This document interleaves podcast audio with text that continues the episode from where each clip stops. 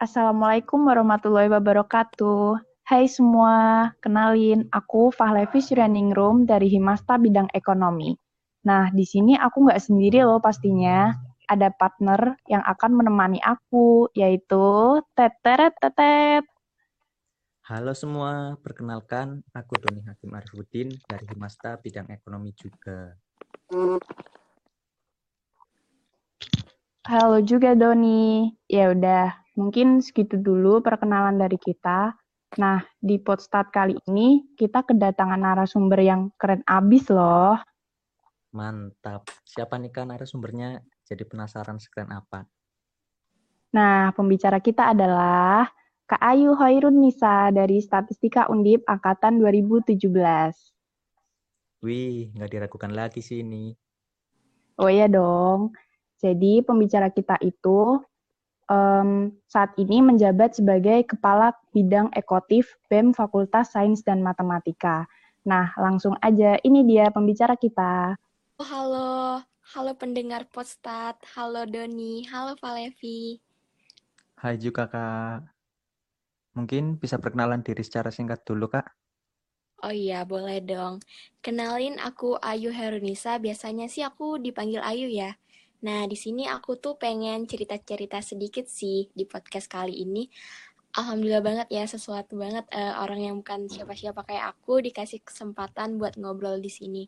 Terima kasih sebelumnya ya. Oke, Kak. Nah, untuk memulai obrolan podcast ini, mau nanya dulu dong, Kak. Kakak selama di rumah aja nih sibuk ngapain gitu? Oh, kalau misalnya kesibukan sih, kalau aku tuh uh, biasanya masak, terus bersih-bersih rumah, terus apa lagi ya? Hmm, itu sih jawaban buat pencitraan di sini ya. Wih, mantap Kak. Nah, jadi di Botstat ini kita akan membahas tentang memulai membangun wirausaha.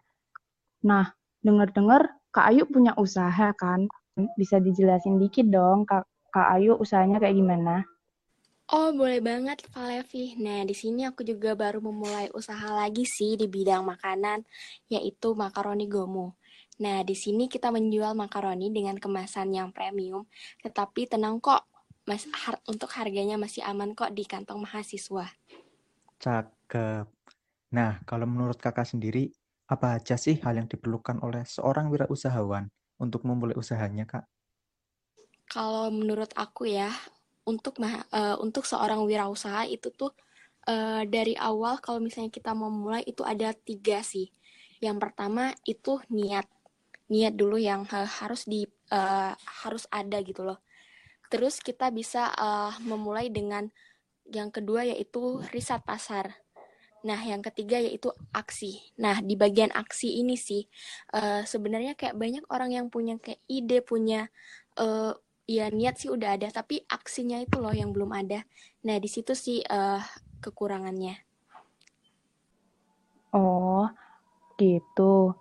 Kak aku kan juga pingin nih mulai usaha tapi belum ada modalnya. Dari kak Ayu ada gak sih solusi mengatasi masalah kayak gitu? Nah, sebelum aku jawab, uh, aku mau tanya dulu dong sama kalian. Kalian pada tahu nggak bedanya reseller dan dropship? Um, kalau setahu aku ya kak, reseller itu menjual produk orang lain kan kak? Jadi kita beli dulu dari orang lain, terus kita jualkan kepada konsumen. Nah, mungkin kalau buat yang dropshipper, Doni bisa jelasin deh.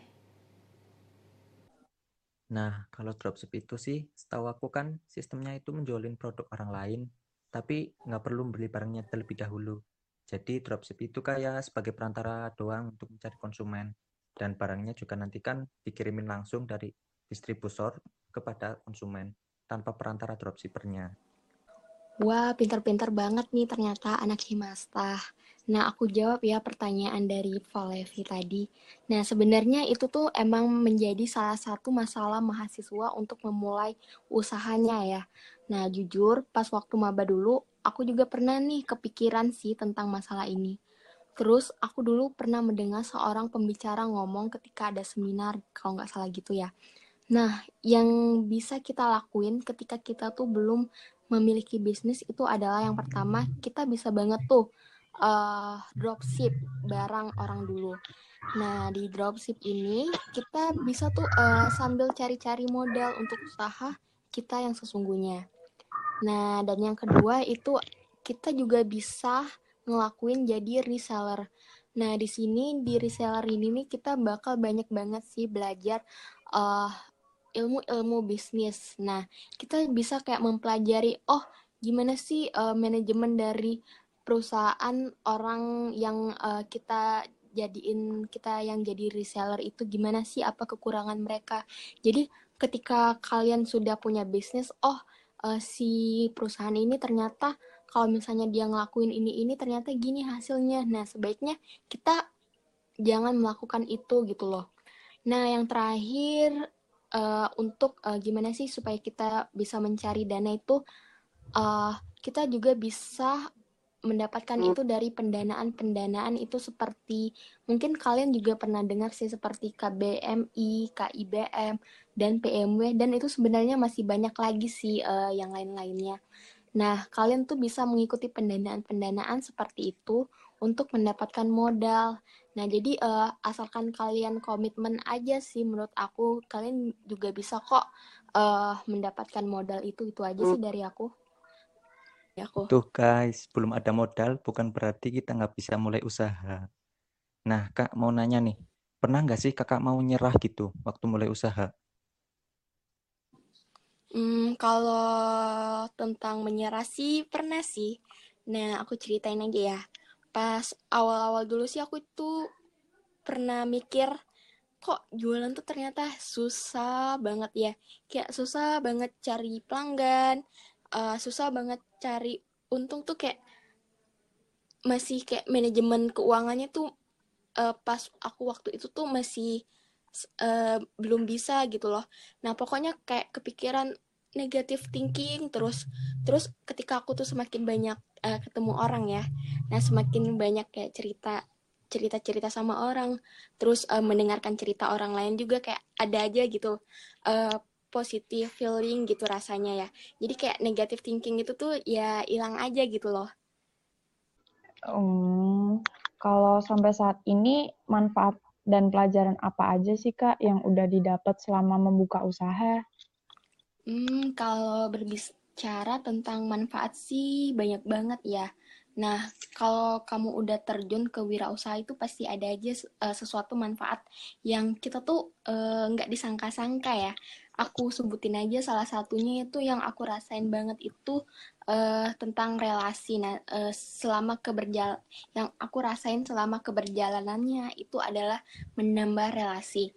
Nah, ketika aku ikut bootcamp, ketika aku ikut seminar, ketika aku ikut acara-acara yang berbau tentang kewirausahaan, itu tuh ada-ada aja gitu dapat kenalan, dapat mentor. Nah, yang pastinya mereka tuh adalah orang-orang yang hebat yang bisa mengajarkan, yang bisa menginspirasi, yang bisa membangun jiwa supaya kita tuh apa ya? Uh, aku ngerasanya supaya kayak lebih semangat lagi untuk berwirausaha gitu. Nah, buat yang lainnya, nah boleh kalian uji coba sendiri ya, gimana sensasinya uh, dalam berwirausaha. Boleh banget sih dicoba. Nah, dari kayu sih dari dulu sampai sekarang pernah nggak ngalamin kerugian? Oh, kerugian ya. Dulu tuh pernah sih uh, aku tuh rugi. Dulu tuh aku juga pernah jadi reseller masker, masker organik ya. Mm -mm. Terus uh, di situ tuh aku tuh emang baru mulai sih.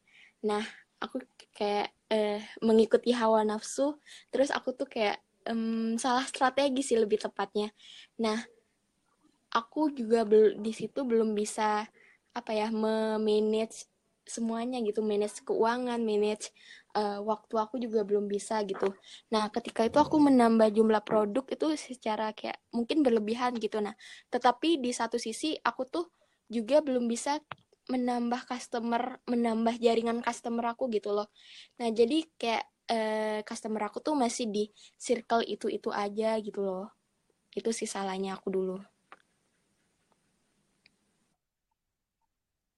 Hmm, ya ampun, terharu banget, Kak. Hmm, perjuangan sekali ya, Kak, dalam menjalankan usaha. Nah, sekarang kan apalagi masih pandemi kayak gini ya, Kak, dan pastinya lebih susah gak sih, Kak, berjualan di masa ini? Jadi bisa dong berbagi ilmu atau motivasi apa yang bisa buat Kak Ayu bertahan di pandemi ini. Nah, kalau berbicara tentang berbisnis di kala pandemi ini emang banyak sih wirausaha yang mengeluh karena menurunnya penjualan di masa pandemi ini. Nah, uh, tetapi di balik itu tuh semua tuh masih ternyata tuh masih banyak juga loh kayak uh, wirausaha-wirausaha hebat yang uh, omsetnya itu malah melejit ketika adanya pandemi ini. Nah, kenapa uh, omsetnya itu bisa uh, melejit ketika ada pandemi ini? Uh, mereka pintar menyesuaikan apa sih yang ternyata yang dibutuhkan oleh masyarakat. Nah, uh, gitu aja sih uh, intinya tuh apa ya? Uh, kita tuh bisa beradaptasi terhadap uh, keadaan yang ada gitu loh. Oke, bagus banget nih motivasi dari Kak Ayu. Nah, sebagai penutupan dari spot stat ini, Mungkin ada pesan yang ingin disampaikan dari Kak Ayu, barangkali untuk para pengusaha yang baru mulai usaha. Uh, kalau misalnya pesan dari aku sih, uh, gini sih, uh, kita tuh mulai dulu aja sih menjadi wirausaha. Nah, dulu tuh ada ya yang pernah bilang, uh, kalau misalnya orang itu mungkin bisa mencuri ide kamu tetapi orang lain itu nggak bisa mencuri aksi kamu. Nah, intinya kalau kamu punya ide, ya dimatengin terus langsung dikasih ditindaklanjutin. Nah, itu aja sih dari aku. Wih, keren banget sih. Keren Ayo. banget sih. mantap, mantap. Oke, teman-teman, dari obrolan santai kita di Postat ini, teman-teman jadi tahu kan gimana sih ngejalanin usaha sendiri. Dan dalam berwirausaha itu kan pasti ada suka, ada ada dukanya juga tapi kan tetap selalu ada kesuksesan di depan. Kalau kita mau terus bangkit dan mulai lagi.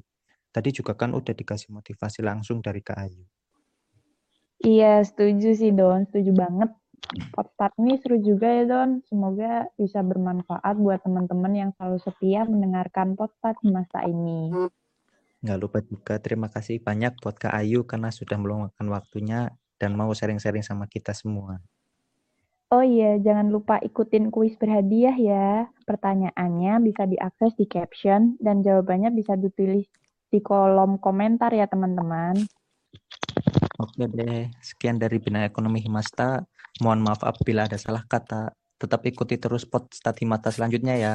Kami pamit undur diri. Sampai jumpa dan wassalamualaikum warahmatullahi wabarakatuh.